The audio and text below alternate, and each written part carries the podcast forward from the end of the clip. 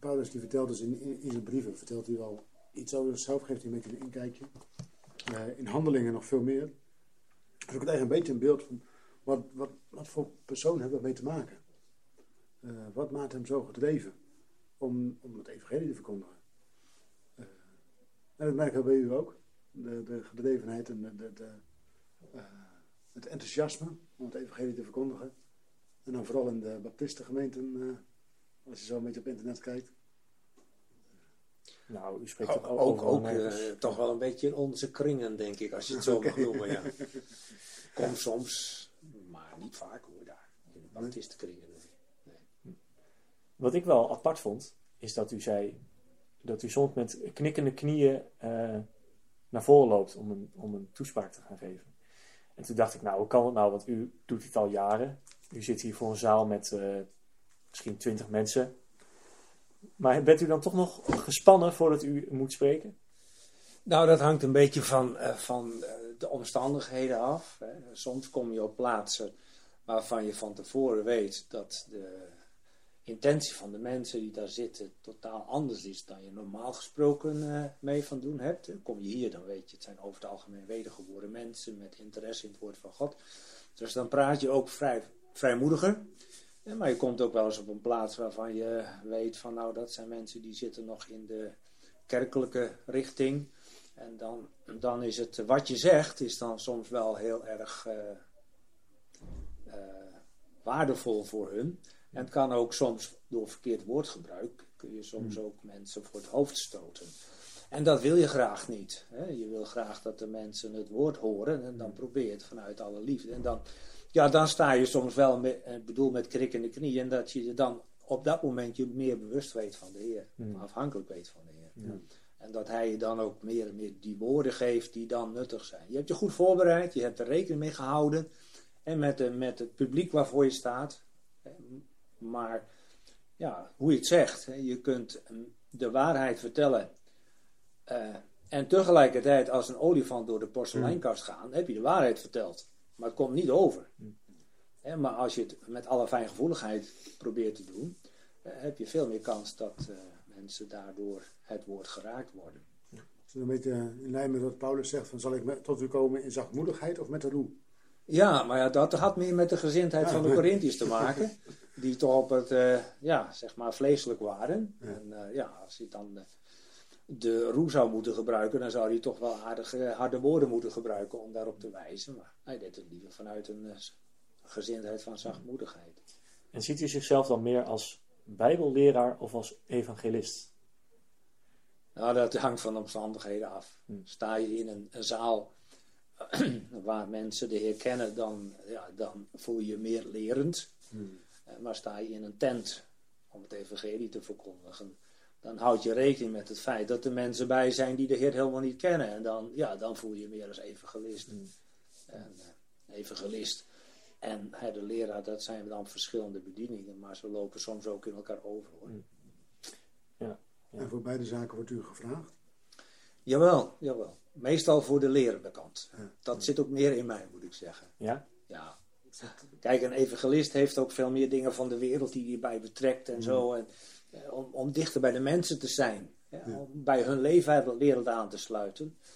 Dat probeer je dan wel. Hè? Maar ja, evangelist die heeft daar wat meer feeling voor, denk ik.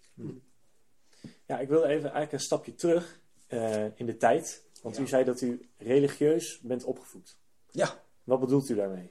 Nou, ik, ik kom eh, vanuit, eh, van huis uit uit een eh, hervormd gezin. Mijn vader was voordat hij trouwde vrij evangelisch. En mijn moeder was hervormd. En toen ze getrouwd zijn, gingen ze naar de hervormde kerk. Nou, uit dat huwelijk ben ik met mijn broers en zussen dan geboren. Ik was de oudste. En we gingen dan naar de hervormde kerk. En eh, ja, de ouders die eh, hebben ons daar ook wel eh toe gezet hè, om, om dat te blijven doen. We gingen naar de jeugdclub. Daar hadden ze dan niet zoveel over eh, de Bijbel, maar dat waren meer knutselwerkjes. Maar dan had je toch een stukje sociaal contact. En dan had je de zondagschool. Een groepsvorming. Ja, groepsvorming, ja, dat kan ook heel nuttig zijn. Eh, Maar we gingen ook naar de zondagschool. En daar waren twee oude dames die heel, heel enthousiast, waren al in de zestig toen, over de Heer Jezus vertelden. Dus dat heeft me altijd wel geraakt. En ja, we gingen naar die kerk. En meer een beetje uit gewoonte. Hmm. Wij later nog meer dan mijn ouders. Die, eh, mijn vader is een tijdje lang overspannen geweest. Dus die, die eh, ging dan helaas niet. En mijn moeder draaide dan meer op voor het gezin. In die tijd, dus had haar handen vol. Maar ze stuurde ons altijd wel naar de, de kerk. Hoe groot was het gezin? Hoeveel broers en zussen? Wij waren met z'n vijven. Ja, het gezin erbij zeven. Nou, en toen eh, in de puberteit, ik ga maar even door over een stukje geschiedenis dan. In de puberteit eh, had ik ook vrienden uit de gereformeerde kerk. In die tijd was dat nog vrij gescheiden. Hè? Mhm. En eh, ja, op school had je soms vrienden die naar die kerk gingen, ging ik daar ook wel mee heen. En soms sprak die predikant mij meer aan. Ik weet nog wel, in de kerk, de Koepelkerk in Leeuwarden was dat. Dat was een predikant die, die was vrij modern in onze ogen. Die stapte soms van de kansel af en ging zo even naar de mensen in de zaal toe. En om daar even een praatje mee te maken, de hand van de preek, dat, dat, dat maakte wel indruk natuurlijk. Maar eh, ja, in die tijd heb ik ook eh, een gospelkoor eh, aan meegedaan. Het was in de gereformeerde kerk, had ze een koor, een gospelkoor. Daar heb ik toen meegedaan. Dus dan kom je ook in andere kerken wel om op te treden. Dus je krijgt wel een beetje een beeld van wat er in christelijk Nederland dan allemaal leeft. Ja, want, want waar speelde uw jeugd zich dan af? Waar woonde u toen? In Leeuwarden. Ja, ja. In Leeuwarden was dat, ja. En daar hebben we, ja, tot mijn trouwen en nog een paar jaar ook gewoond. En, zo, en zong u tenor, bas? Nee, ik, Bariton? ik, denk dat het eh, tussen, bari, tussen bari, nee, bariton en tenor in zat zo ongeveer.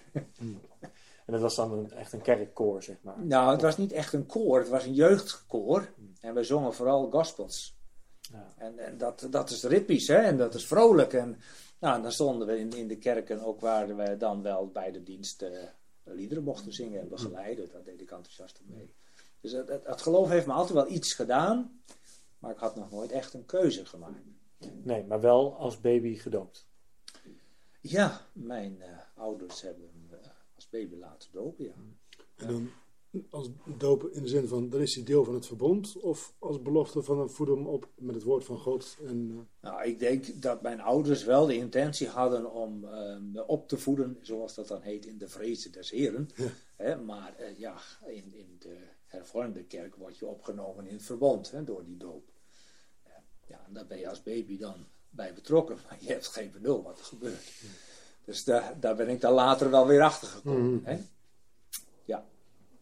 Nou, en zo, eh, zo ging ik dus eh, via mijn opleiding op een gegeven moment naar de PABO. eh, voor de, omdat ik dus in het onderwijs wilde. Ik wilde eerst graag leraar Engels worden, maar dat ging toen even niet. Dus toen ben ik naar de PABO gegaan. Dat was mijn tweede keuze, onderwijzer. En daar heb ik de opleiding van gevolgd. Kijk, en dan moet je ook eh, je beter voorbereiden in bijbellessen. Hè? Dus eh, dan moet je ook in die proefperiode dat je hebt, moet je daar eh, lessen volgen, voorbereiden voor kinderen. Dus dan dook je wat meer in de Bijbel, want je moet wel vertellen wat in de Bijbel staat. Mhm. Dus dat bepaalde daar meer bij. Sorry. en wat mij ook in mijn jeugd erg aangesproken heeft, is dat mijn jongere zus, die was toen 14, zich heeft laten dopen door onderdompeling. Dat was in het eh, overdekte zwembad in Leeuwarden. En daar zaten we daar bovenin, daar kon je dan zitten, was een tribune. Daar zat ik ook en de prediking had me behoorlijk aangesproken. Dus ik zat daar behoorlijk te vechten tegen mijn tranen. Waar ging het over? dat weet ik niet meer, maar Oh. ik weet wel dat het ging over dat je tot de Heer moest komen. Dat nog wel, maar exact niet meer. En wat me echt ook aan, aan, aan nee, bewoog, was dat mijn zus als jonge gelovige zich liet dopen. En daar waren we toen nog niet mee bekend. Hè? Wat liep zij dan spontaan naar voren, zeg maar? Nee hoor, ze had daar zich voor opgegeven. hoe reageerden uw ouders daarop? Ja, die vonden dat wel merkwaardig. Ja, ja. En later heb ik dat zelf ook gemerkt, want ik ben pas later echt tot geloof gekomen. En eh, toen ik terugkwam, heb ik me ook dus bewust eh, ver- verdiept in de betekenis van de doop Hmm. Door onderdompeling. Want ik kon het in de kerk eigenlijk ook niet zo goed vinden. Het- gaf me weinig bevrediging. Ik stond op een leeftijd dat je naar, ja, naar de beleideniscategorisatie moest. Daar heb ik een, een, een tijdje gevolgd. En toen werd eigenlijk geacht dat ik ook beleidenis zou doen. Ik zei, nou, dat zie ik nog niet zitten. Ik, ik mis nog wat. Hmm. Nou, in die tijd was de Heer ook al bezig, zeg ik achteraf. Hmm. Toen ik mijn opleiding klaar had, toen ben ik naar eh, Canada gegaan. Voor zes weken op vakantie bij mijn familie. In En- British Columbia of Ontario? Nee, Ontario. Ja. En daar was eh familie die gingen naar de Pentecostal Church. Hmm. Een soort. Pinkstergemeente. Ja. En daar heb ik eigenlijk voor het eerst het evangelie echt gehoord. En u, en u was toen hoe oud ongeveer? Toen was ik 21 geworden. En ja, die, die predikant, die voorganger, die, eh, die riep de mensen op om zich te bekeren Hmm. tot de Heer. En je leven aan hem over te Ja. geven. Dat, dat heeft mij toen geraakt. en ik heb daar in de bank mijn leven, toen ik daar zat in de bank, heb ik mijn leven aan de Heer toevertrouwd. Toen ben ik dus wederom geboren. Achteraf zeg ik dan, hè, dat wist hij toen nog niet. Maar ja, ik was ook al eh, met, met, met jeugdgroepen bezig waar ik les aan gaf, hè, bijbelles. Maar ik had nog niet echt die keuze gemaakt. Maar werd, er dan, werd die boodschap dan niet in de hervormde kerk Nee, gepredikt? nee, nee. Nee, dat heb ik nooit gehoord. Dat je je leven aan de Heer moet geven? Nee, en in de gereformeerde kerk eh, kan ik wel zeggen, heb ik maar één keer een predikant gehoord die ook echt de mensen opriep om, om tot geloof te komen. Om wedergeboren te worden. Toen zei, later zeiden we ook tegen elkaar, nou dat is een broeder in de Heer. Die anderen, dat zijn predikanten die een boodschap brengen. Een soort sociaal evangelie eh, naar de mens. Maar nooit echt eh, een oproep om zich tot de Heer te bekeren. En uw zus ha- had haar leven aan de Heer gegeven. U heeft dat gedaan. Hoe zat, hoe zat dat bij de rest van uw gezin? Ja, bij allemaal. Op hun eigen manier is dat gebeurd. Ze zijn allemaal kinderen van de Heer geworden. Mijn jongste broer ging ook later met mij naar dezelfde gemeente toe. Eh, mijn zus, jongste zus, die is in de verpleging gegaan en die is toen in Amsterdam gaan werken. En daar heeft ze een gemeente gevonden. En mijn oudste zus is ook tot geloof gekomen. En dan heb ik nog een zus, ik heb drie zussen, die eh, ook ja, op een of andere manier toch hun plekje gevonden hebben bij de Heer als gelovigen. Hmm. En ja, op, op hun manier nu ook eh, de Heer dan volgen. Maar ja, soms wel een beetje anders dan wij, laat ik het zo zeggen. En wat veranderde er voor u eh, to- toen u uw leven aan de Heer gaf? Nou, ik was toen in Canada en ik, eh, ik had het idee van ik kan hier misschien blijven om hier mijn leraar Engels te, te worden. Maar dat is niet geworden. Ik moest nog in dienst. En eh, had vrijstelling gekregen. En toen had ik een brief gestuurd en die eh, werd niet gehonoreerd. Dus ik moest terug. Eh, waar, waar zat u in, eh, in Ontario? In Oshawa. Dat ken ik al. Ja, dat, dat, eh, dat is een, eh, een plaats, niet zo'n grote plaats, maar Mm. daar woonde mijn familie. Ja. Ja.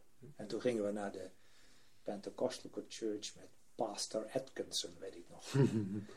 ja. ja, en omdat ik je- jeugdgroep deed, mocht ik daar ook een keer eh, een devotion doen, zoals dat heet. Wist ik Mm. veel wat een devotion was. dus ze vroegen mij, omdat mijn, mijn nicht vertelde dat ik in Nederland bij de, bij de kerk dan de jeugdgroep deed. Dan vroeg de leider daar of ik een devotion wilde doen. Ik denk, wat is nou een devotion? Nou, een stukje vertellen over je uit de Bijbel aan de jeugd daar. Nou, daar heb ik nog wel werk van gehad. En notabene nog, nog maar net tot geloof gekomen zijn. Hè? En een stukje uit spreuken gedaan. Nou, dat sprak hun ook nog wel aan, bleek. Ja? Op een of andere manier. Ja, kennelijk. Ja. Dan weet ik nog dat ik daar een stukje uit spreuken heb gedaan. Mijn zoon eh, Wordt wijs. wordt wijs in die zin, ja. En dan hè, geef je leven aan de Heer. Dat, heb ik daar ook, dat had ik gedaan, dus dat heb ik Mm. ook doorgegeven. Ja. Nou, toen ik in Nederland terugkwam, want ik mocht dus niet eh, blijven. Ik kon bij mijn oom en tante blijven logeren. Moest er wel een werkje vinden natuurlijk, een baantje Mm. bij. Maar eh, dat ging niet, dus ben ik teruggekeerd. En toen kreeg ik een brief dat ik afgekeurd was. maar goed, de Heer heeft dat zo geleid, dus ik eh, ben hier in Nederland gekomen. En ik had dus een stukje leegte in mijn hart. Zo van ik, in de kerk, daar kon ik het niet vinden. Ik heb nog een gesprek gehad met de dominee, want ik wilde me eigenlijk laten dopen Hmm. door onderdompeling. Ja, hij zegt, ja, ja, dat kan. Als je dat wil, dat, dan kun je hier bij ons niet in ambt. Niet in Dan- kun je geen eh, oudste Ah, diaken worden. Ik zeg, nou, dat hoeft voor mij ook helemaal niet. Maar ja, dan kun je nog wel andere dingen doen. Denk, ja, het woord voedt me hier niet. En dus de, de Heer heeft eh, me geleid naar een eh, gematigde Pinkstergemeente, die tijd, waar ik dan heb laten dopen. En tegelijkertijd in die doop was mijn aan, toekomende vrouw ook. die was er ook bij. Toen hadden we nog geen verkering, maar dat is eh, later gekomen. En daar hebben we een paar jaar de samenkomsten bezocht, totdat daar ook iets misging. En ja, toen ging het woord dus de verkeerde kant op. Ja, dan moet je toch weer ergens anders heen. En was dat ook in Leeuwarden of ergens anders? Leeuwarden, ja.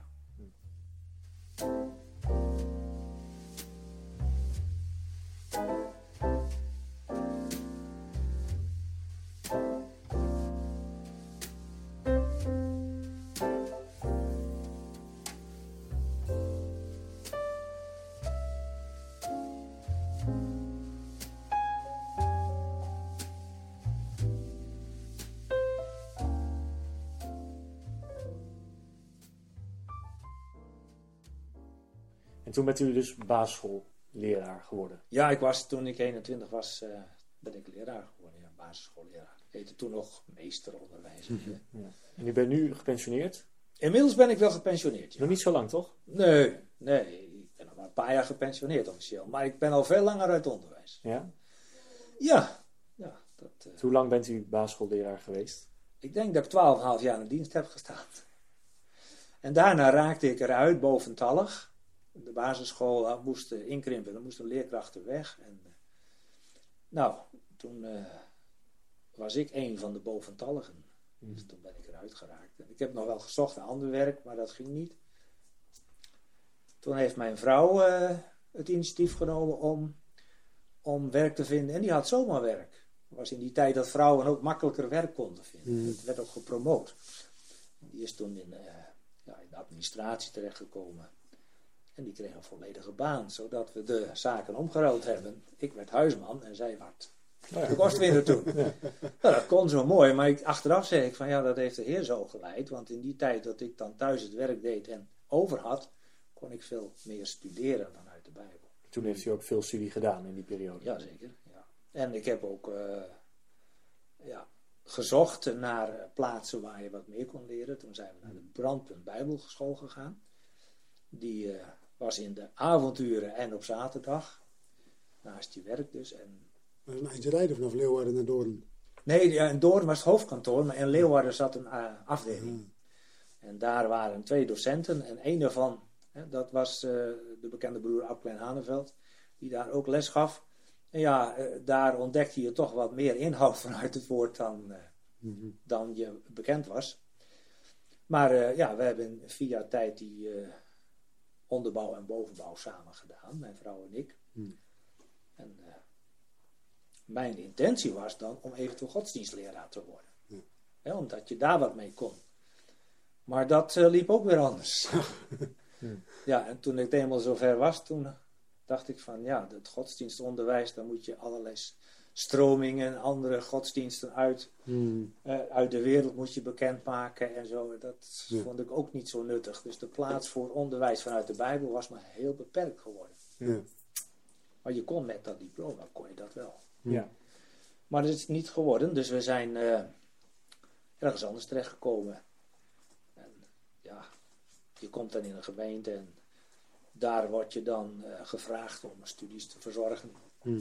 Voor de jeugd eh, en, en soms in de dienst. En dus van het een komt het ander. Hè. Je, je groeit zelf ook in, in je inzicht doordat je je verdiept in het woord van God. Mhm. We hebben ook eh, veel geleerd van de Bijbelstudies van broeder Ab. Hè. Terwijl de Brandpunt Bijbelschool is eigenlijk door zijn vader opgezet, hè? Jacob en Haneveld. Mhm. En eh, die hebben we dan ook nog wel enigszins gekend. Hmm. Maar die was toen ook al aardig op leeftijd hoor. Ja, want u heeft toen, die, toen u 21 was, deed u die devotion. En eh, wanneer heeft u uw eerste toespraak dan in Nederland gegeven voor volwassenen, zullen we maar zeggen?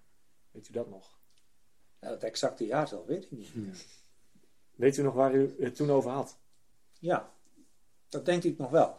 Kijk, eh, wij, wij waren intussen dan vanuit eh, Leeuwarden verhuisd naar Drachten. Ik was boventallig, dus binnen de plaats waar dan ik les gaf, dat was een dorp bij Drachten. Daar ben, zijn we toen verhuisd naar Drachten. Daar hadden we dan ook inmiddels een gemeente gevonden waar we wat meer uit de Bijbel konden leren. En daar heb ik toen voor het eerst ook een uh, woordverkondiging gedaan. En dat ging over 1 Korinthe 6. Dat je lichaam een tempel is van de Heilige Geest. Meen ik dat het was. Moest het er even opzoeken. Of 2 Korinthe 6. Een van die twee gedeelten was het. Nou, terwijl Willem dat opzoekt. Uh, iets anders dat mij opviel aan, uh, aan de toespraak. Het ging over goede werken eigenlijk. Hè? Ja. Hoe je ze doet.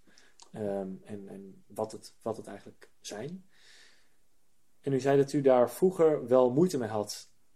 Of u het wel goed deed. Ja, dat, dat was vooral psychisch. He, zo van in je denken. Je deed wel dingen die van je gevraagd werden. Ook op, op, op het gebied van geloof. Maar ik had nooit de zekerheid of dat wel uh, goed was in Gods ogen. Omdat je ook aan de andere kant je tekortkomingen, je beperkingen tegenkwam. Je kwam tegen dat je nog verkeerde dingen deed. En dan denk je op dag gauw van ja, dit, dit, dit hoort niet zo. Maar ik probeer wel goed te doen. Maar dat proberen, dat ging ook weer fout. En dat deed je dus in eigen kracht. Ja. En u had dan ook het gevoel dat u eigenlijk niet goed genoeg was, misschien? Nou ja, dat, dat, zo wil ik het ook weer niet zeggen, maar het, gaf me in ieder geval geen bevrediging. Ik, ik, had geen zekerheid of dat voor God wel goed was, terwijl ik wel dat wilde. Hmm. En het is niet zo ernstig als bij Paulus, hè, die er was er meende van overtuigd. En dat doordat hij de discipelen van de Heer vervolgde, dat hij God daarmee een aangenaam werk deed. Hmm. Totdat zijn ogen pas open gingen. En toen had hij dezelfde felheid en vurigheid, maar dan in dienst van de Heer. Hmm. Dat was een ommekeer. Zo, zo was het ook weer niet. Maar ik, ik, deed wat ik dacht dat goed was. En toch merkte ik dat dat niet altijd goed ging. Hmm. En daar zit je tussen een uh, gevoel van... Ja, is het wel goed in Gods ogen? Dat gaf je geen bevrediging. Geen voldoening. En wat was dan het punt dat u wel kon zeggen van... Dat u dat los je- kon laten? Als je, als je tot geloof komt, leer je denken zoals de Bijbel dat je dan voorhoudt. Kijk, en dan krijg je die punten die ik vanmorgen ook aangehaald heb in de prediking. Hè, dat je dus merkt dat, dat de Heer een goed werk in je begonnen is. En dat je ondanks je fouten toch merkt dat de Heer daarvan reinigt. En dat Hij het zelfs ten goede kan gebruiken. Voor eh degenen die God lief hebben, laat hij alle dingen medewerken ten goede. En dus ook de dingen die wellicht fout gegaan zijn. En dan leer je van je fouten. Dat is een heel andere insteek en het geeft je een stuk rust dat de Heer je verder bekwaamt. Denkt u dat dat een belangrijk punt is? Ook hè, veel christenen die daarmee worstelen Denk het wel. met ja. hun zonden. Ja. En dat ze zich meer bewust zouden moeten zijn dat het de Heer is die een werk in hen doet. In plaats van dat ze zelf iets zouden moeten bewerkstelligen. Ja, ik denk dat dat een fundamentele zaak is. Punt 1, dat ze zouden beseffen dat ze eerst tot geloof zouden komen. Om sowieso van de schuld van de zonde af te komen. Ja, want daar is de Heer nu eenmaal voor gestorven. En hij wil hen rechtvaardig verklaren op grond van zijn opstanding als je in hem gelooft. En dan ben je met God verzoend. Hè? Dus dan heb je een nieuw leven ontvangen. En pas dan kun je echt ook eh, dingen gaan doen die God behagelijk zijn. Ik denk dat dat een heel belangrijk punt is, dat dat veel te weinig ook onderwezen wordt. En zeker in de kerken, daar heeft men het vaak over goede werken. Maar dat is dan vaak meer een eigen kracht, Ja. zonder dat men echt gelooft. En men noemt dat dan eh, geloven en werken, maar als men niet echt tot geloof gekomen is, zijn het ook niet werken die voor de Heer behagelijk zijn. Dat is een belangrijk punt waar je eigenlijk op moet spreken. In die, in die kringen zou dat uitgelegd moeten worden. Ja, inderdaad. Dat is denk ik wel waar veel mensen eh, mee zitten. Van doe ik het wel goed? En inderdaad, eerst tot geloof komen en dan volgt de rest eigenlijk vanzelf. Maar het geven van je leven aan de Heer, hè, daar had u het over, dat is eigenlijk heel belangrijk om dat ook volledig te doen. Ja. Hoe moeilijk is dat? Ja, hoe moeilijk is dat? Want ik weet nog wel, toen ik daar in de banken zat en ik dat evangelie hoorde en dat je jezelf aan hem zou overgeven, dat ik dat daar ook gewoon tegen de Heer in mijn hart gezegd heb. Hier is het, hier ben ik. Ja. Maar dan laat je ook wat los. Ja, je, ja, wat je precies loslaat, weet je nog niet eens. Je komt tot geloof en je, je wijdt je leven aan hem toe. Ja, het oude leven, dat, dat laat je achter. Maar wat dat allemaal achterlaat, dat weet je ook niet precies. En sommige dingen die je vroeger deed, die doe je later weer. Ja, want de Heer kan de dingen die je vroeger deed best wel gebruiken in dienst van de Heer. Ja, Ik was in het onderwijs. Nou, hij gebruikt bepaalde onderwijzende capaciteiten, ook nu, maar dan in dienst van de Heer. Dat, dat, dat is gewoon mogelijk dan. Ja. Maar dan gebruikt de Heer het in zijn werk. want u zei ook, ehm, ik heb veel geleerd van de dingen die niet goed zijn gegaan. Toen dacht Ja. ik gelijk, wat is, kunt u iets noemen wat, waarvan u in uw leven denkt, nou, dat is dus helemaal fout gegaan. Nou, soms maak je verkeerde keuzes. En kunt u er een noemen? Ja, dat is wel gevoelig, hè? ja. Nou, een daarvan was dat ik... eh, ehm, ja, zal ik dat wel zeggen? Want dat komt overal natuurlijk. Maar ja, ik schaam me er aan één kant wel voor. De andere kant denk ik ook, ja, de Heer heeft het ten goede gebruikt. Dat, dat ik eh, op een gegeven moment dacht dat ik terug moest keren naar een kerk om mijn baan te behouden. Hè, maar mijn baan stond op het, eh, op, op het spel. En je moet dan lid zijn van een van de beleidende kerken. En dan moest je kon een andere baan krijgen, maar dan moest je eigenlijk lid zijn van een van de, van de toenmalige kerken. Tegenwoordig is het, is het allemaal PKN en zo. Eh, Maar toen had je dus nog hervormd, gereformeerd en dat moest je dan onderschrijven. En dat heb ik toen wel gedaan. En, en eh, ja, dat achteraf denk ik van dat had ik niet moeten doen, want daardoor beperk je je geloofsleven. Je wordt geacht in die kring dan ook te zijn en daar actief in te zijn. Terwijl we gewoon ons eh, geestelijk leven verder gingen met de andere dingen. Dus op een gegeven moment heeft de Heer me daarop gewezen dat dat eh, zo niet verder kon. Want ik werd ook door de prediking niet echt bemoedigd wat er staat. In die, dat, dat ging gewoon niet. Het was maar een enkele predikant die ook nog een positieve boodschap had. Dus op een gegeven moment toen heb ik tegen de Heer gezegd, ik, ik kan hier niet verder. En toen heb ik tegen het bestuur gezegd, ik zet mijn baan weer, eh, geef ik terug aan u. Ik, kan- ik kan hier niet verder. Ik, ik kom hier geestelijk gezien in de knoop. Ik heb me verbonden aan die afspraak. Dat kan ik niet langer. Dus mijn baan geef ik dan maar terug. Dus ik heb gezocht naar ander werk. Het is ander, anders gelopen. De Heer heeft het anders geleid. Maar eh, op die manier kwam ik weer in de vrijheid. Dat was een van de belangrijkste fouten die ik destijds gemaakt heb.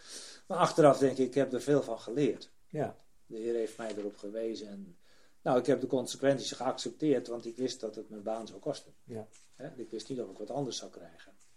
Nee, want even terug naar, de, naar uw levenslijn, zeg maar. Toen bent u dus een tijdje naar, naar Doorn gegaan op een gegeven moment. En toen daarna, hoe ging het toen verder? Nee, niet naar door, naar Leeuwarden. Of naar Leeuwarden, naar de Bijbelschool? Nou, de Bijbelschool, ja, dat, eh, dat hebben we in een jaar of vier afgerond. Hmm. En, eh, maar daar heb ik dus alleen maar wat mee gedaan om Bijbelstudies te geven. Ja. En eh, verder niet in het onderwijs of zo. Dat zag ik niet zitten. En daarna, ja, je gaat naar gemeenten. We hebben ook bepaalde Bijbelstudies georganiseerd. Destijds waren Broeder Klein Haneveld dan eh, onderwijs gaf, zeg maar. Daar waren we ook wel bij betrokken. Maria, toch? Eh, nee, dat is pas later gekomen. Nee, dat was eh, gewoon los van, van, van de kerken. Dat was gewoon een, een bijbelstudieavond die we georganiseerd hebben. Hmm. Zoals dat nu nog steeds gaat. Maar dat was in Leeuwarden. Nou, en ja, een gemeente kwam uiteindelijk in Drachten terecht. En daar zijn we dan meer betrokken geraakt in het gemeentelijke werk, jeugdwerk, kinderwerk deden we aanvankelijk. En ja, ook in de prediking. Ja, was dat wat, eh, waar u zich dan het meest mee bezig hield? Gewoon Bijbelstudies geven op een gegeven moment? Ja, ja, maar voordat je zover bent, moet je eerst nog het een en ander leren. Dus het, vooral het onderwijzen is pas mogelijk als je zelf ook het nodig hebt geleerd. Dus daar heeft de Heer ons dan ook de tijd voor gegeven. Ik beschouw het achteraf als, een, als de weg van de Heer dat Hij mij uit het onderwijs heeft gehaald en me de mogelijkheid heeft gegeven om me verder te bekwamen in het bestuderen van het woord van God. En om dat later te gebruiken, om dat ook aan mensen door te geven.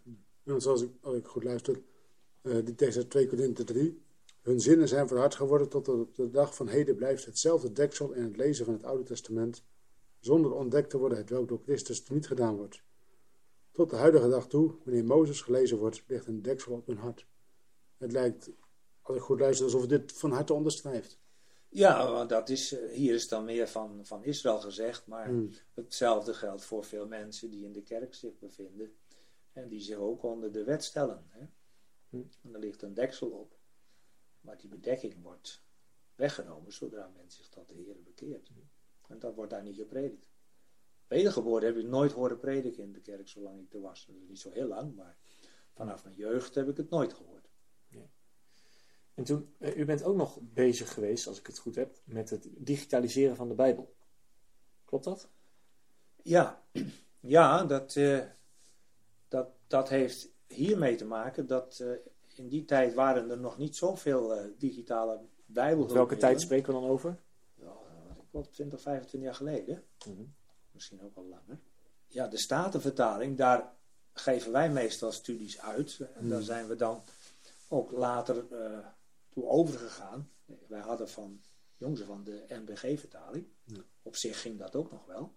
Maar de Statenvertaling, daar leerden we mee omgaan door latere eh, studies van, eh, van broeders.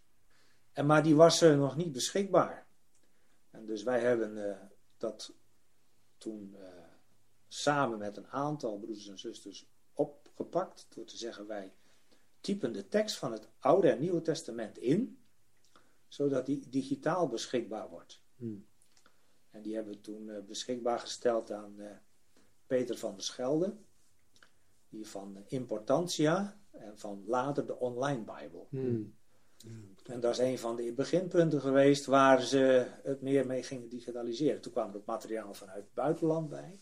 En inmiddels is de Online Bijbel een van de belangrijkste Bijbelse hulpmiddelen op eh, digitaal gebied. Maar dat lijkt me echt een, een monnikenwerk.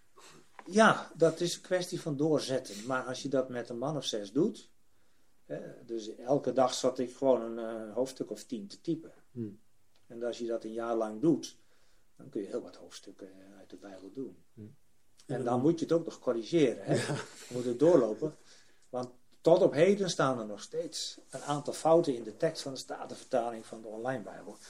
Maar tikfouten, of dat het Ja, dan... het zijn tikfouten, ja. Ja. ja. En eh, dat, dat eh, geven we dan weer door als dat nodig is. Dan wordt Hmm. het weer hersteld. Dus het is iets wat doorgaat. Maar de basis is daarvoor gelegd toen. Hmm.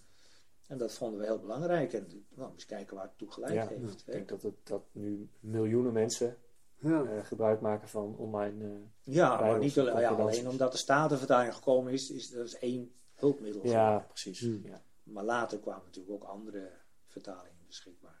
Goh. En je kunt het eh, inscannen. Mijn broer is, eh, jongere broer, die was eh, vooral bezig met het, het scannen van ook bijbelboeken, commentaren en zo. Die heeft hij dan ingescand en gecheckt en die gaf hij dan ook weer door, zodat die ook weer toegevoegd kunnen worden. Hm.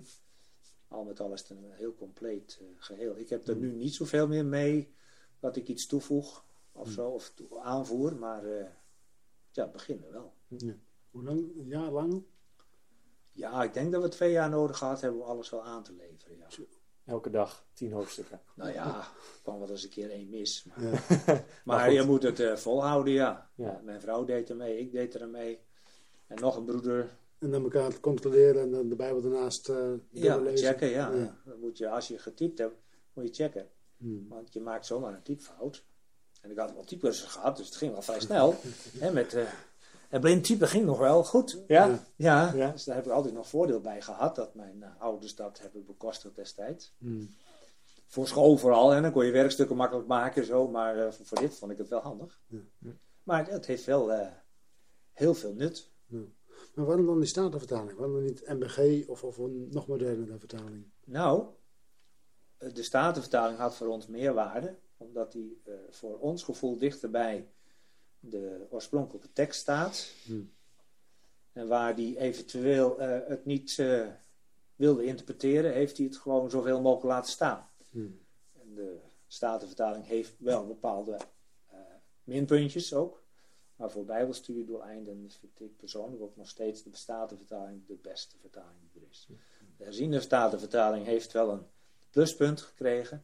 maar is ook op bepaalde punten nog steeds minder dan de Statenvertaling. De Telos-vertaling? Telos is van het Nieuwe Testament alleen. Dat is wel een aardige vertaling, ja. En de men, de mens eh, had ook nogal veel op van de Nadense Bijbel, die een aantal jaren geleden teruggekomen, uitgekomen is. Hm.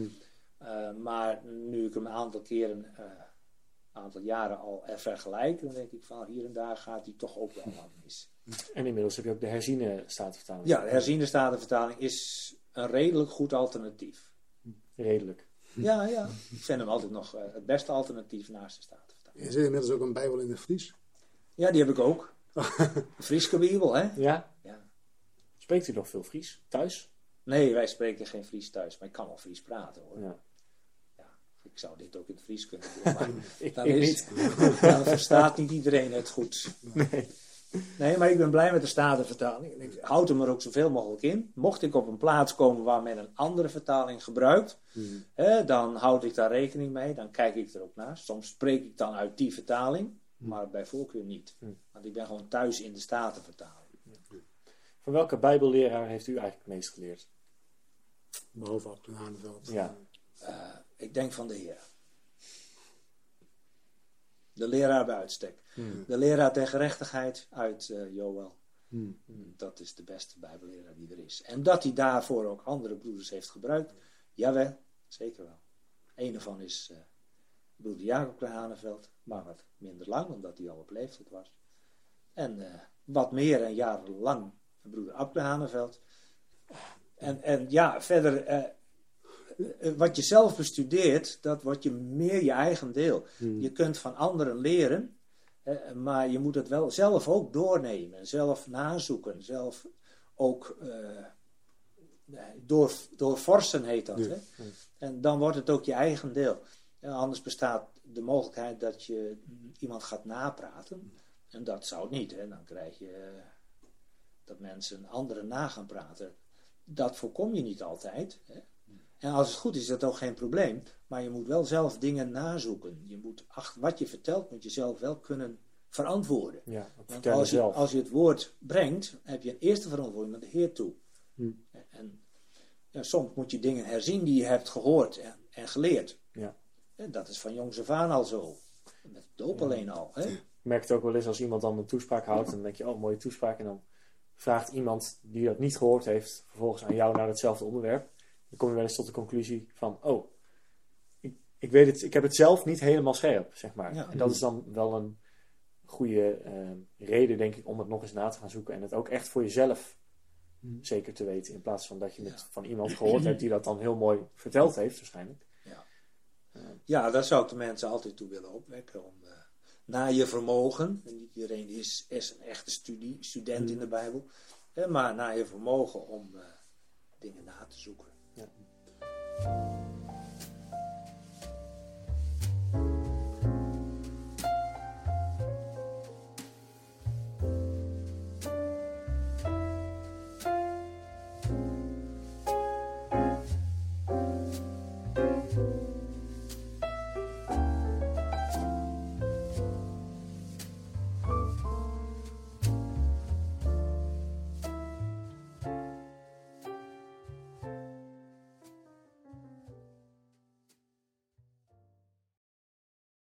een aantal keer, eh, de Heer heeft het zo geleid. Eh u noemde het een aantal keer. Eh, hoe doet de Heer dat? Hoe leidt Hij ons leven? Ja, de Bijbel zegt in de eerste plaats dat wij geleid worden door de geest Gods. En dat de geest ons leidt in al de waarheid. Dan heb je het cliché antwoord. En ik denk dat het ook zo werkt. Dat je in de eerste plaats geleid wordt in je inzichten in de schrift. Maar dat dat ook weer in je praktisch leven terugkomt. En daar waar je dus inzicht uit het woord van God toepast in je leven, word je geleid. Het is niet zo dat je in alle, alle facetten van je leven kunt zeggen van daar heeft de Heer leiding in gegeven. Hmm. Het lied zegt wel, al de weg leidt mij mijn heiland, maar dat kun je als een rode draad in je leven opvatten. Maar het neemt niet weg dat je ook gewoon zelf beslissingen neemt. En als het goed is, doe je dat aan de hand van wat je geleerd hebt uit het woord. Dus je maakt keuzes in je leven. aan de hand van wat je weet, aan het woord. Weet je het niet zeker, kun je het ook bij de Heer vragen. En op die manier wil hij ook de weg wijzen. Dus ik denk dat dat eh, soms ook achteraf pas vastgesteld kan worden, zoals ik dat zo net bedoelde. Hè, dat ik uit het onderwijs ben gehaald, in mijn optiek door de Heer, om me meer te kunnen bekwamen in, het, in de bestudering van het woord van God, zodat de Heer het later zou kunnen gebruiken. Zo zag hij al vooruit. Ik zie het achteraf pas. Zo. Ja. Op dat moment had, eh, had u dat niet. Dat u Nee, gelijk maar dacht, ik gebruikte die tijd wel. Ja. Ja, ja, dus- maar op dat moment dacht ik niet. Nee, het is mooi dat je die tijd krijgt van de Heer, maar benut ze dan ook. Ja. Want sommige mensen benutten hun tijd niet zozeer ten dienste van de Heer. Nee, er is wel een hoop afleiding. Ja, dat is veel afleiding. Ja, want we, we lazen ook dat we altijd overvloedig zouden zijn in het werk van de Heer. Ja, En dan denk ik, ja, dat klopt. Maar toch, als ik naar mijn eigen leven kijk, ik ben pas 24, maar eh, is dat niet altijd het geval? ja dat is maar net hoe je dat, hoe je dat beziet. Hè? Hmm. Ik bedoel, jij, jij studeert misschien nog. Of, Niet of meer, ben, ben net klaar. Ja, misschien, he- misschien, misschien heb je nu een baan. Ja, Hè, en, en dan moet je daar je tijd aan besteden. Eh, Maar ook dat mag je doen als voor de Heer. Eh, En daarin zou je ook getrouw zijn. Je kunt het niet maken om in je aardse werk eh, er een potje van te maken. Dat is ook geen getuigenis natuurlijk. Maar die verantwoordelijkheid heb je ook. En als je een gezin hebt, heb je ook verantwoordelijkheid voor je gezin. En, hè, maar daarin moet je ook gradaties leren ontdekken. Het gaat erom wat is het belangrijkste. Punt 1, de Heer staat bovenaan. En dat drukt zich uit als het goed is in je gezin. Daar heb je de volgende verantwoordelijkheid. Je hebt je, je werkzaamheden of je studie. Daarin zou je toch ook zo je best doen. Hè?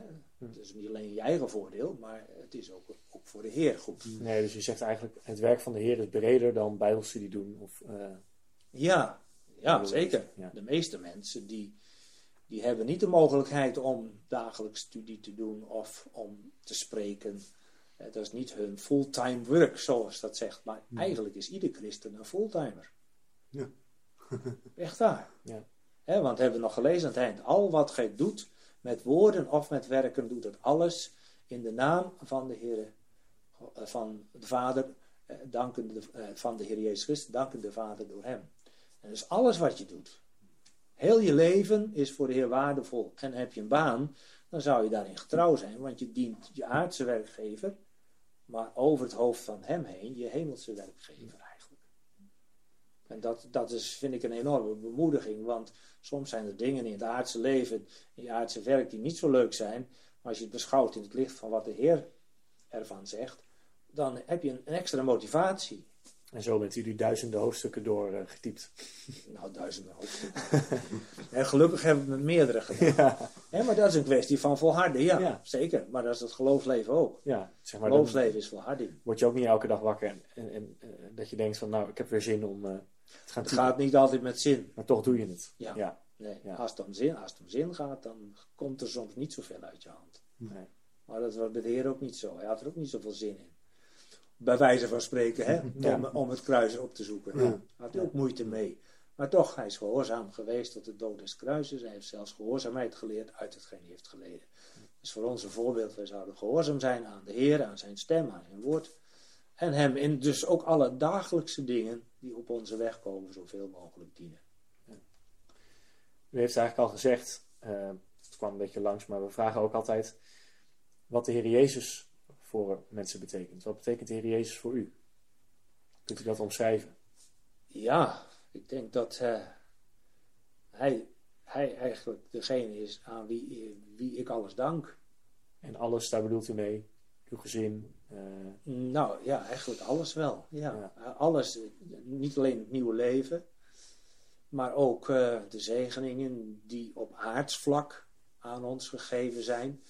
Het zijn wel primair geestelijke zegeningen waar we het over hebben, maar nou, er zijn ook heel wat zegeningen op aardsgebied die de Heer ons schenkt. Ik denk als je je leven ook op aardsniveau aan de Heer toevertrouwt en hem daarin betrekt, dat hij wel degelijk eh, daar ook eh, in zegent. Ik bedoel, een van de belangrijke keuzes die je in je leven maakt is, is het kiezen van een levenspartner.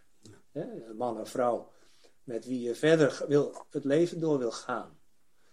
Nou, ik denk dat, dat als je dat eh, ook bij de Heer bekend maakt dat je graag iemand naast je wil hebben die eh, ook de Heer kent, die de Heer lief heeft en die ook bij je past. Hè? Want dat is ook niet altijd zo dat de Heer je daarin ook wel begeleiden wil.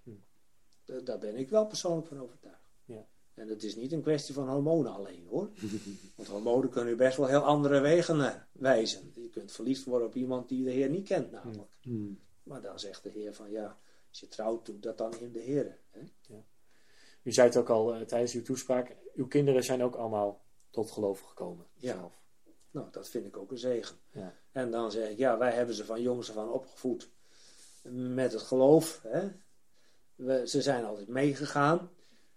Eh, en in de puberteit zijn ze niet afgehaakt. Ze zijn ook blijven komen. Ze- Dus dat is, vond ik altijd een zegen. Ze hadden ook interesse in het woord van God. Ze hebben ook gekozen voor de Heer. Nou, en dat vind ik een van de belangrijkste zegeningen die je op aardsniveau kunt ontvangen. Hmm. En ook, ook ja, dat je een vrouw hebt die naast je staat, eh, die je lief heeft, die ook met je samen optrekt in de dingen van de Heer. Dat, dat is, is een zegen. En er zijn ook huwelijken waarbij later iemand tot geloof komt en de ander dan niet. Dan heb je altijd een stuk spanning. Hmm. Ook als die ander je vrij laat, dan heb je altijd toch een stuk spanning. Je bent beperkter. Nu bent u inmiddels ook opa. Ja, Dus het tienerwerk eh, en het jeugdwerk, dat zet zich... eh, nee. nee? Nee, dat laat ik graag aan de ouders over. Mochten ze me vragen, dan doen we dat. Ja. Nee, maar we hebben. eh, even kijken: 1, 2, 3, 4, 5, 6, 7. 7 kleinkinderen in totaal. Wat een rijkdom. Ja, ja, ja. En of ze allemaal de Heer kennen, dat weet ik niet. Van de oudste weet ik het wel. Hmm. En die is ook echt actief erin. Ja. En van de anderen weet ik wel dat ze niet anti zijn.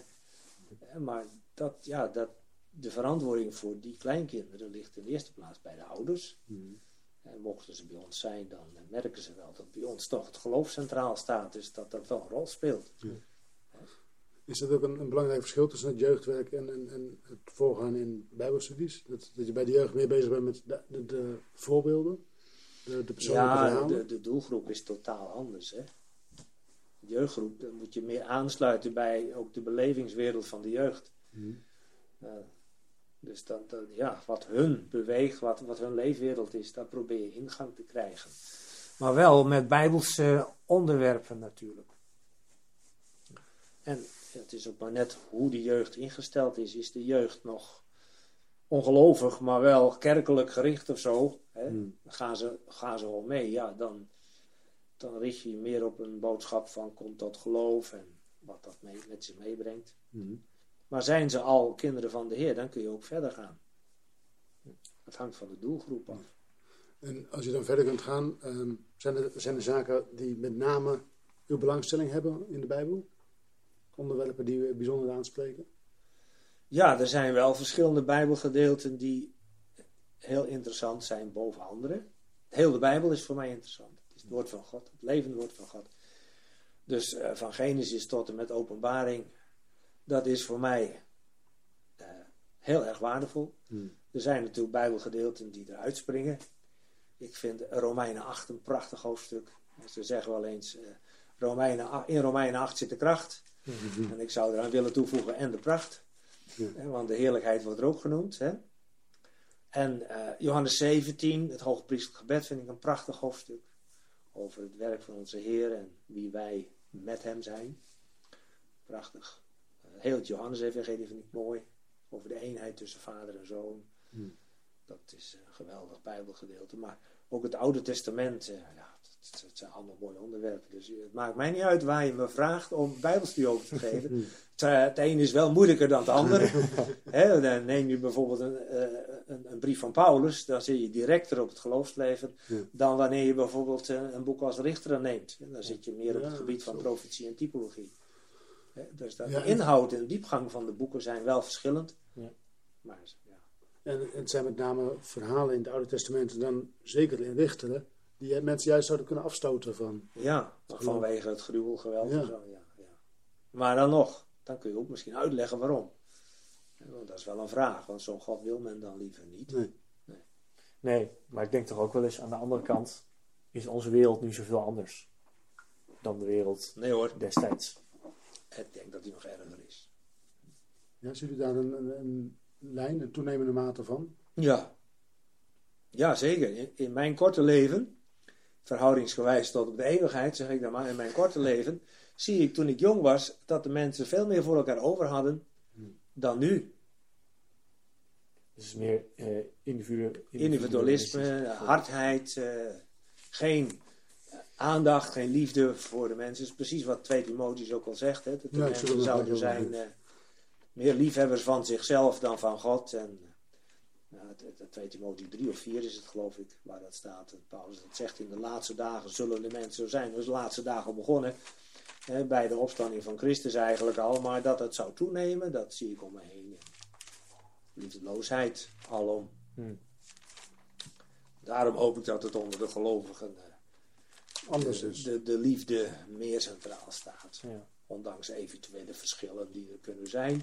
Ja, hou de eenheid des geestes voor ogen. Hmm. En wat ons bindt is vaak meer dan wat ons eventueel zou scheiden. Dus heb je, heb je te maken met een gelovige uit de kerk.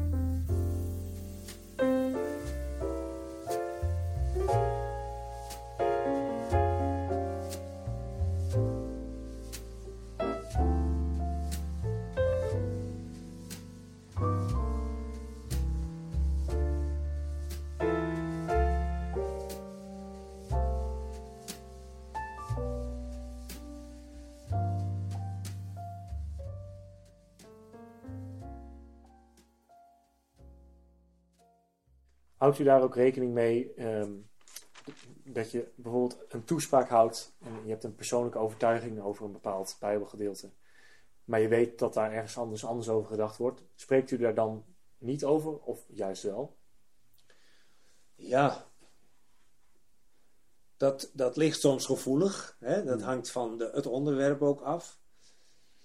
Eh, eh, Ja, ik, ik persoonlijk vind wel dat, je, dat als je overtuigd bent van een bepaalde Bijbelgedeelte, dat dat zo en zo moet worden uitgelegd, verklaard, Hmm. dat het je ook verantwoording is om dat dan zo te doen. Aan de andere kant, als je weet dat het bewust mensen tegen het hoofd stoot en heel veel narigheid teweeg kan brengen, kun je ook de nodige voorzichtigheid in acht nemen. Onder het motto van eh, de enigheid des geestes bewaren, Dus hè, door de band des vredes. Efeze 5. Ja, Efeze 4 is dat gewoon. Efeze 4. Nog. Ja, dat, da- daar zou je rekening mee houden. Ja. En als je bewust eh, erop aanstuurt om, om eh, zeg maar, eh, verwijdering teweeg te brengen. Dat kan nooit het doel zijn Hmm. van de prediking. Want dan probeer je je eigen gelijk door te drammen. En dat is niet de bedoeling. Dat bouwt nooit op. Nee. Dan kun je gewoon zeggen van nou, eh, naar mijn bescheiden mening denk ik dat het zo is. Hmm. Maar geef de anderen de ruimte om het anders te zien. En ga eventueel met elkaar in gesprek daarover. En eh, ja, het kan best zijn dat je het zelf ook niet goed gezien hebt. En dat je alsnog eh, een andere mening moet vormen. Hmm. Dat is eigenlijk heel het leven zo. We dachten vroeger dat de kinderdoop, dat de besprenkeling van baby's, dat dat normaal was. We wisten niet anders. Hmm. Kom je tot geloof, denk je, hé, dat staat heel anders in de Bijbel.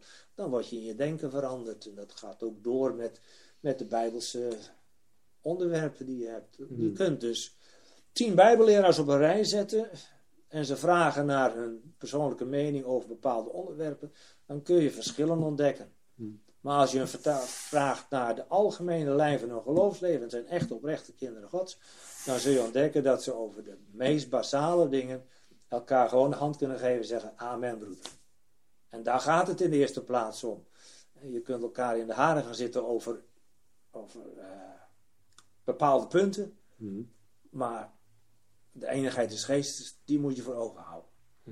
En dan is dat het belangrijkste. Het gaat om de eer van de Heer. En niet om je persoonlijk gelijk. En dan zeg je, oké broeder, nou dat is uw mening. Ik denk er iets anders over. Laten we elkaar respecteren in alle liefde. En geef elkaar ook de ruimte om dat te kunnen doen. Ja. Heeft u het gevoel dat dat genoeg gedaan wordt? Elkaar de Soms niet. geven? Nee, soms niet. Nee, soms niet. Soms denk ik dat je als, Als je een andere mening hebt, dat dat door een bepaalde spreker de volgende keer nog eens dunnetjes overgedaan wordt om zijn eigen mening nog een keer Hmm. eroverheen eh te uiten. Dat lijkt me net als een hondje die tegen een boom aanpiest en komt een andere hond die piest er even overheen. Sorry voor het vergelijk, maar, maar ik hoop dat het duidelijk is. Maar ik bedoel, daar gaat het niet om. En dan is het om macht. Hè? Dit is mijn territorium, dan mag jij hè, dat niet doen. Hmm. Nee, daar gaat het niet om. Het gaat om de eer van onze Heer. Ja, ik heb ook wel eens gehoord van bij alles wat je spreekt of eh, welk Bijbelgedeelte het dan ook is, het zou moeten leiden eh, naar de Heer Jezus. En wat zegt het, wat zegt het over Hem? En ik denk dat dat wel een soort code is van, nou, dan is het, dan is het een goede toespraak als het iets over Hem heeft gezegd. Ja, Ja, niet alleen met een toespraak, maar wat wel zei in heel je leven. Ja. Hoe je dat leidt. Christus is het hoofd van dit gezin. Stond op een tegeltje boven aan het huis waar ik eens was. En wij hadden in ons huis dat tegeltje van, van Jozua. Ik Hmm. en mijn huis, wij zullen de Heer dienen. Hmm. En als je dat de norm is voor je leven, dan, dan staat Christus altijd centraal. Stel dat u nou tegenover een eh, ongelovige zou zitten en u zou een hele korte tijd hebben. Drie minuten, vijf minuten. Wat zou u dan tegen hem zeggen? Of haar? Ik zou proberen aan te sluiten bij de omstandigheid waar je je dan in bevindt. Hmm. Dat kan iets, iets in het huis zijn, een voorwerp of iets wat de persoon interesseert. En proberen vanuit die invalshoek te wijzen op het geloof in de Heer Jezus Christus. En op dat punt ben je dan evangelist. Dus eerst aansluiten bij iemand en dan. Nou, als dat kan wel. Ja. Ja. want als je erin batst, kan het ook. Nou, ik heb ook wel eens dat. Dan liep ik eh, in de stad en dan kreeg ik een, een briefje van iemand. En dan, dat ging dan. Nou, daar stond dan op dat je vooral niet in de hel terecht moest komen. En hoe je dan. Ja, Zeg maar, dat is een beetje de andere kant. ja, ja. ja. Ja. Nou ja, dat is heel erg confronterend. Voor sommige mensen is dat een eye-opener. Hmm. Echt wel. Kan ook ten goede gebruikt worden. Maar over het algemeen is de mens eh, niet iemand die graag een, eh, een draai om zijn oren wil hebben. Eh, Je komt met Stroop. stroop verder dan, dan anders. Hè? Ja. Vliegen vang je met stroop, hè? Of Niet met, met azijn. Nee, niet met azijn, is Nee. het spreekwoord, ja. Nee. En de vliegers zijn dan een beeld van degene die onder Beelzebul zitten. Ja. Dus dat is de duivel. Dat is de mens in de wereld van nature. Nou. Maar de bedoeling is dat als je mensen ontmoet, dat je hem toch in alle liefde op de Heer Jezus probeert te wijzen. En daar heb je wijsheid van God voor nodig. Echt wel. En soms is dat eh, niks zeggen. Ook goed. Omdat men er niet voor open staat. Dan, Nee, dan nee. werkt het averechts. Mensen moeten het ook wel willen. Hè? Zeker waar we het vanochtend over hadden. Je leven aan de Heer geven. Ja. Hem dienen. Ja. Hem op één zetten. Ik denk dat heel veel mensen daar ook gewoon voor passen. Misschien. Ja. En als je dan doorgaat, hè, da- dan heb je de kwestie van eh, geen palen voor de zwijnen Hmm. werpen. Want dan worden ze agressief. En dan, dan dram je door in hun ogen en ze willen het niet. Oké, dan moet je ze vrij laten. God laat hen ook vrij. Ja. Het is hun keuze. De consequenties zijn voor de toekomst dus ook zo voor hen. Maar ja, het verlangen van God is dat ieder mens uiteindelijk tot bekering komt. Er heeft natuurlijk alles aan gedaan om het mogelijk te maken, maar de keuze is aan ieder mens persoonlijk.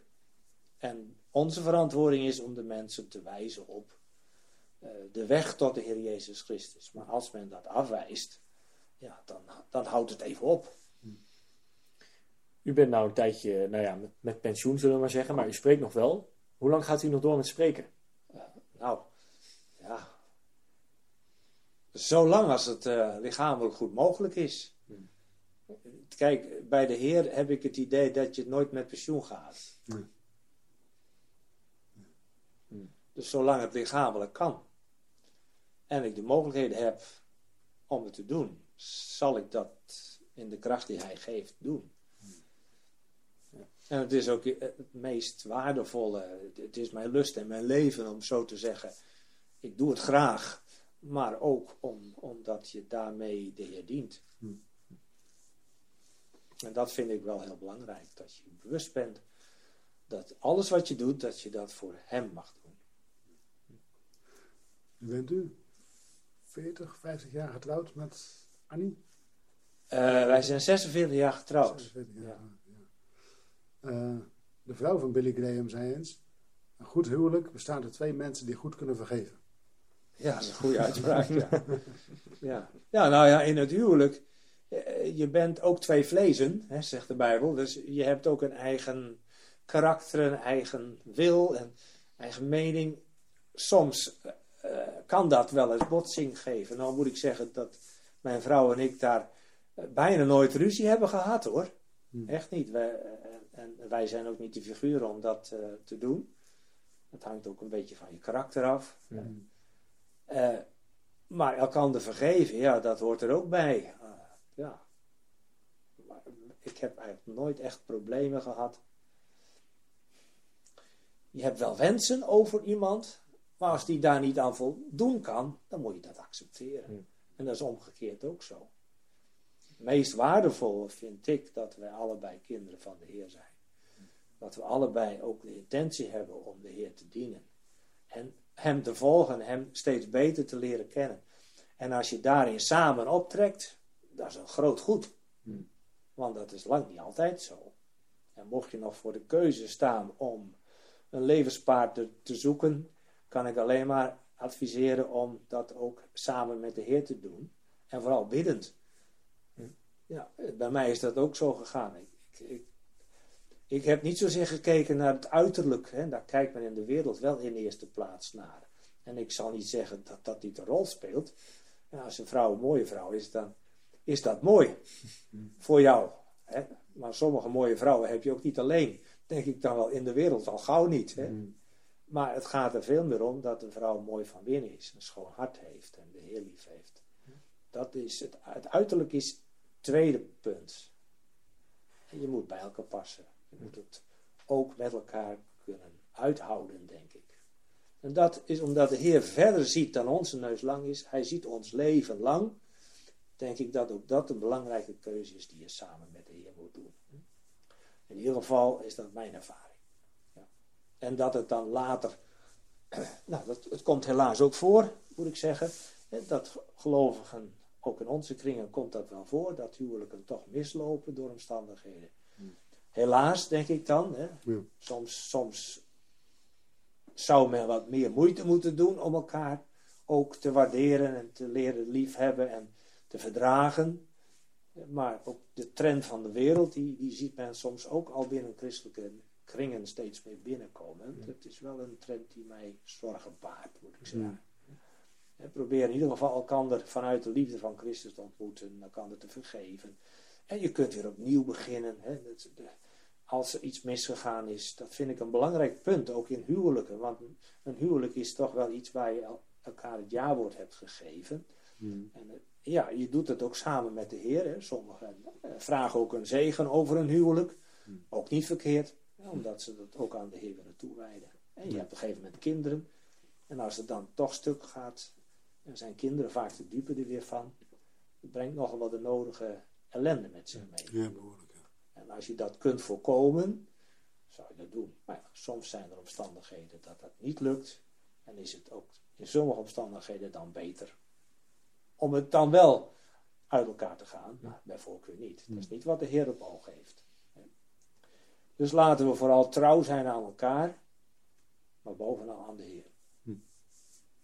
Dat is denk ik wel de boodschap. U zegt, u het probeert het weer goed te maken, hoorde ik u net zeggen. Eh dat doet bij mij de, eh, op. Ik hoor Christen ook al zeggen: God is een God van herstel. En dan doelen ze vaak op herstel van deze oude schepping. Ja, En dat, dat sluit er wel wat aan bij hè, als een, een huwelijk in zwaar weer is, dat je dan zoekt naar herstel om het weer goed te maken. Ehm, maar op, op groter niveau, eh, wat betreft het plan van God, is God een, God van herstel of heeft hij meer te bieden? Eh, God is een God van herstel. Dat heeft hij zelf in Genesis gedaan. God heeft eh, de relatie op het oog van een mens die afgedwaald is van God. En in die zin wil hij graag herstel door het verlossingsrecht van Christus. Hmm.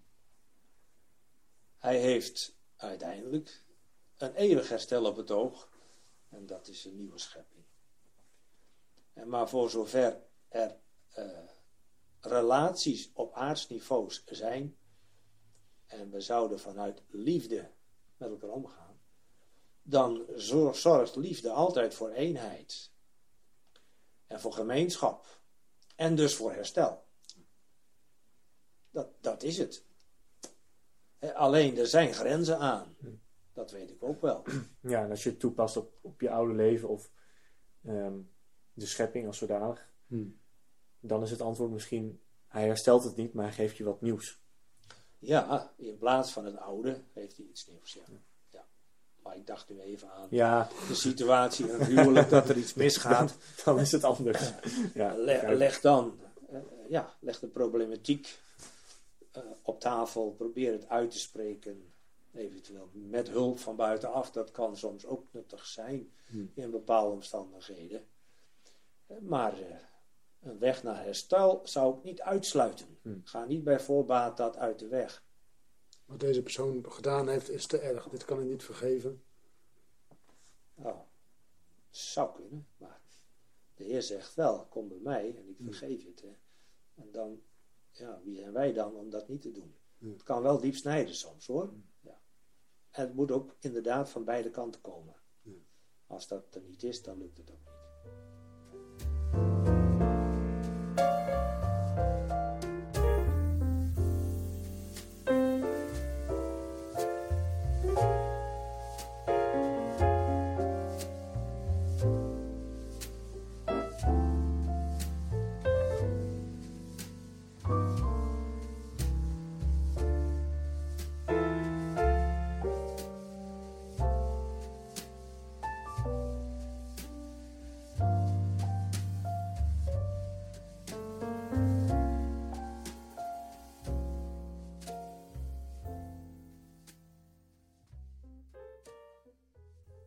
moet ook wel eens denken, als het dan gaat over te erg of iets wat niet zou kunnen.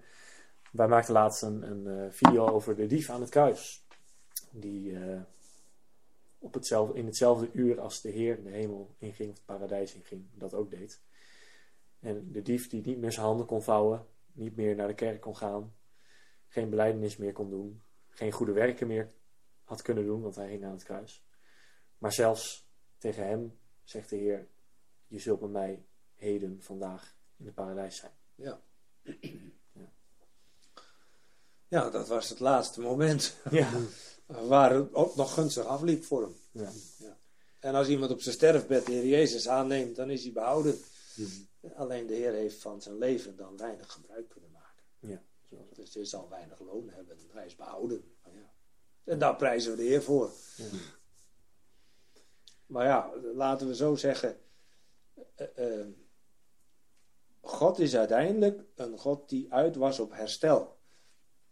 Op eh, een, herstel van de scheiding dus tussen God en de mens gekomen is. hè. De zoon des mensen is gekomen om te zoeken en zalig te maken dat verloren was. Hmm. En dat blijkt een totaal nieuw herstel te zijn. Hmm. Want door de wedergeboorte heb je nu een relatie met God. Maar we hadden het zo net even over aardse situaties. Probeer daarin ook vanuit de liefde met elkaar om te gaan. Dat is in de wereld vaak niet zo. Het is het keihard. Ja. En als gelovigen hebben wij, als het goed is, een andere gezindheid. Een gezindheid van liefde. Daar hoort bij vergevingsgezindheid, barmhartigheid, genade. Waar we zelf genade van de Heer ontvangen hebben, zouden we dat ook in de praktijk toepassen ten aanzien van anderen. En dat niet in eerste instantie uit de weg gaan, maar dat uit, eh, uit eh, die situatie proberen naar boven te halen. Hmm. En dus daar in die zin herstel mogelijk maken. Dat zou ik wel eh, op die manier willen no- benoemen als herstel.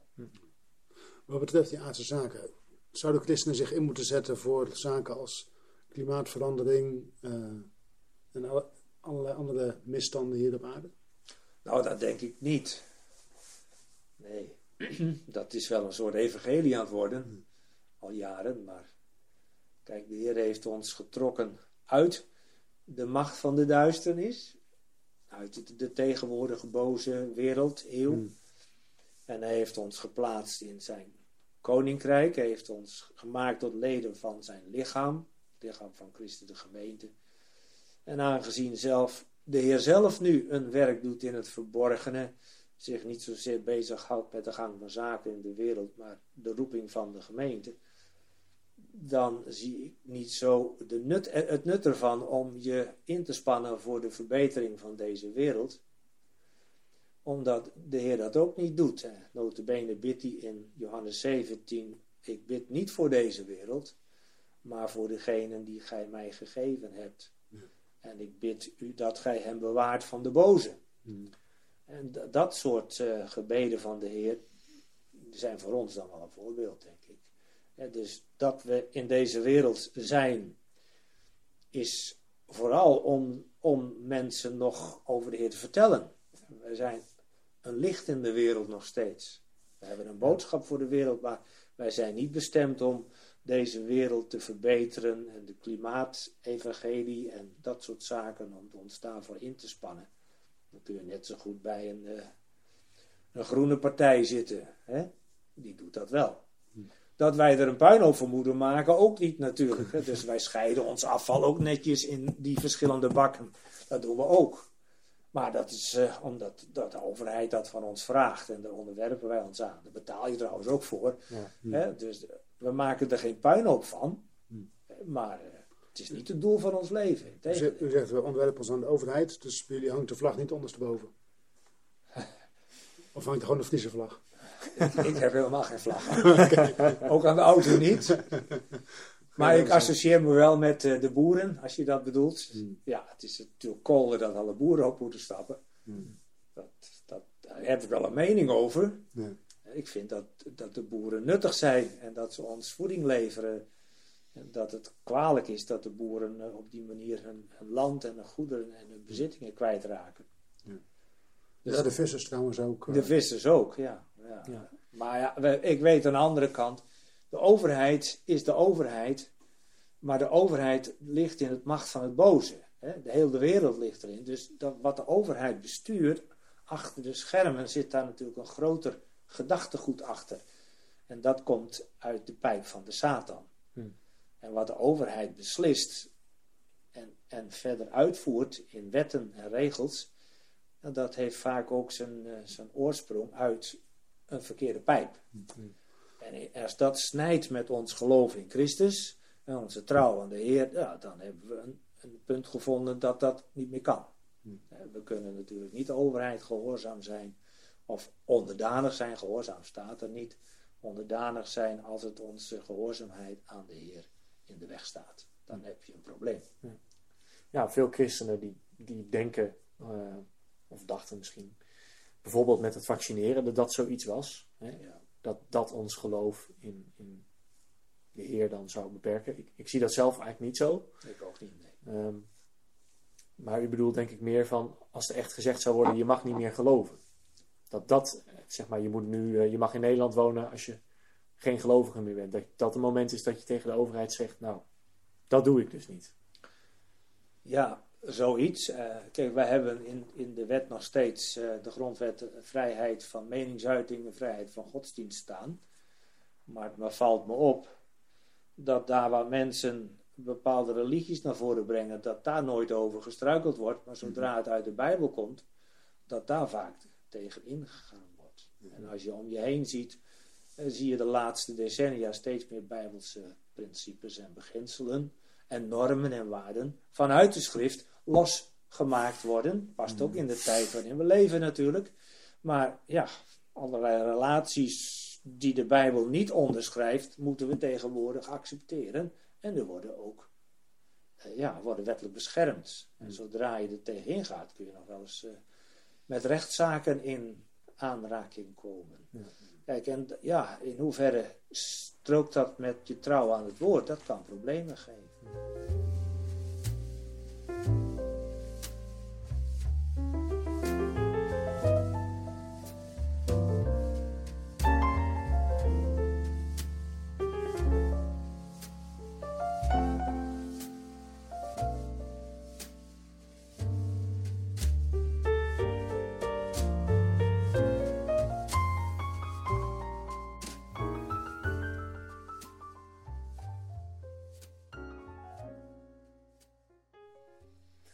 Heb ook soms het idee, Willem had het net over eh, milieu en het klimaat, dat we alsmaar bezig zijn om dingen te verlengen. Dus je ziet in de gezondheidszorg proberen we mensen zo lang mogelijk in leven te houden. De milieuactivisten doen hun best voor de volgende generatie, zodat die ook nog op deze aardbol kunnen leven. Om het maar zo lang mogelijk te maken, denk ik wel eens. Maar ja, heeft dat zin?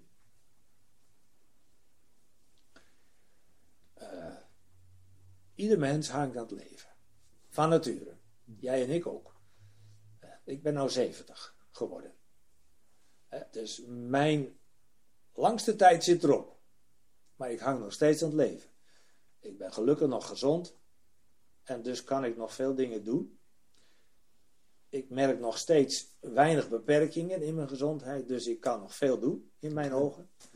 Maar dat wordt een keer minder. Dus dat overkomt ons allemaal. Dus wij hebben allemaal wel de behoefte om zo lang mogelijk te leven van nature. En als gelovigen denk ik ook dat we dat wel, wel, wel graag willen. Bovendien brengt het ons uh, met zich mee dat we dan ook de mogelijkheid hebben om de Heer zo lang mogelijk als we leven te kunnen dienen. En dat is voor ons een voorrecht, vind ik. Ja. Maar het in stand houden van iets wat uiteindelijk toch bestemd is om te verdwijnen, wat de mens wil, hè, deze schepping in stand houden. Stel nou dat het ons met, allen, met ons allen lukt als mensen om deze wereld in stand te houden. En dan zegt de Heer uiteindelijk van, nou, nou is de tijd gekomen dat hij weggaat. Dan hebben wij met al onze inspanningen en moeite en zorgen ervoor gezorgd dat de schepping nog bestaat. Als dat zou kunnen, hè.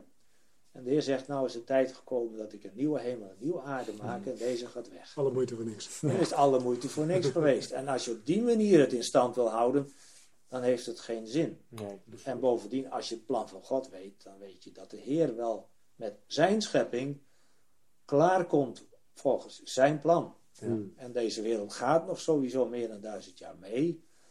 Dat weten wij op grond van de schrift, maar in de wereld weet men dat niet.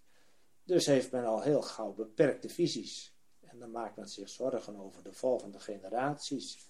Dan moeten wij nu in investeren in de toekomst. Ja, laten we ons vooral investeren in die eeuwige toekomst, zou ik zeggen. Want dat is veel belangrijker. Dat heeft ook eeuwigheidswaarde. Ja, dus een lang leven is een mooi middel om de Heer te dienen, maar het is geen doel op zich. Nee. En als iemand een leven heeft wat uiteindelijk zo ziek en zwak is, dat er eigenlijk geen kwaliteit van leven meer is, zoals we het dan wel eens noemen. Ja, moet je het dan nog rekken? Dan mag je de Heer ook bidden dat Hij uh, het tot zich neemt. Want dan is de vraag of dat lijden nog wel zinvol is. Maar goed, soms laat de Heer iemand in onze ogen nog langer lijden dan eigenlijk nodig zou kunnen zijn. Maar ja, nogmaals, wij hebben niet zo zicht op de toekomst.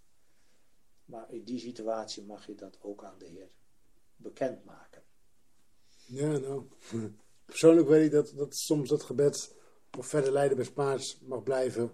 Uh, heel snel verhoord zou kunnen Ja, worden. dat zou heel goed kunnen, ja. ja. Dat kan ik me voorstellen in de omstandigheden waarin jullie onlangs nog zaten. Ja. En aan de ene kant mag je dan de Heer dankbaar zijn. Ja, hè? Aan de andere kant, ja, het gemis is er dan vaak wel. Hè? Je blijft eh, zonder de overledene achter. Hmm. Maar je weet, de troost is, het is een kind van God, die is bij de Heer. Dus we zeggen dan wel eens, het is het beste plekje wat er is. Maar, Ja. hè? maar ja, het gemis is er natuurlijk ook. En dat zal wel blijven. En dat kan soms diep snijden, ja. Zeker voor de personen die direct met de overledene hadden te maken. Er valt iets weg dan, hè? Ja. Ja, ook iemand valt weg, maar ook wat hij doet. Ja. Wat deed. Maar er is altijd wel de hoop op weerzien. Gelukkig wel, En de troost dat ze het nu beter heeft dan... eh, precies. Ja, dat is ook dankzij de Heer. En dan sluiten we aan bij wat jij zei. Je hebt alles aan hem te danken. Alles aan hem te danken, alles, ja. ja. Ik zou niet weten wat niet. Ja. Heel het leven is afkomstig van de Heer. Ook het natuurlijke leven hebben we van origine ook van hem te aan hem te danken. Hij heeft ons in Adam de mogelijkheid gegeven om te leven. Hmm. Om tot zijn eer te leven bovenal. En dat zou ik ieder mens van harte willen aanbevelen. Geef uw leven aan de Heer, zodat Hij er iets moois van kan maken.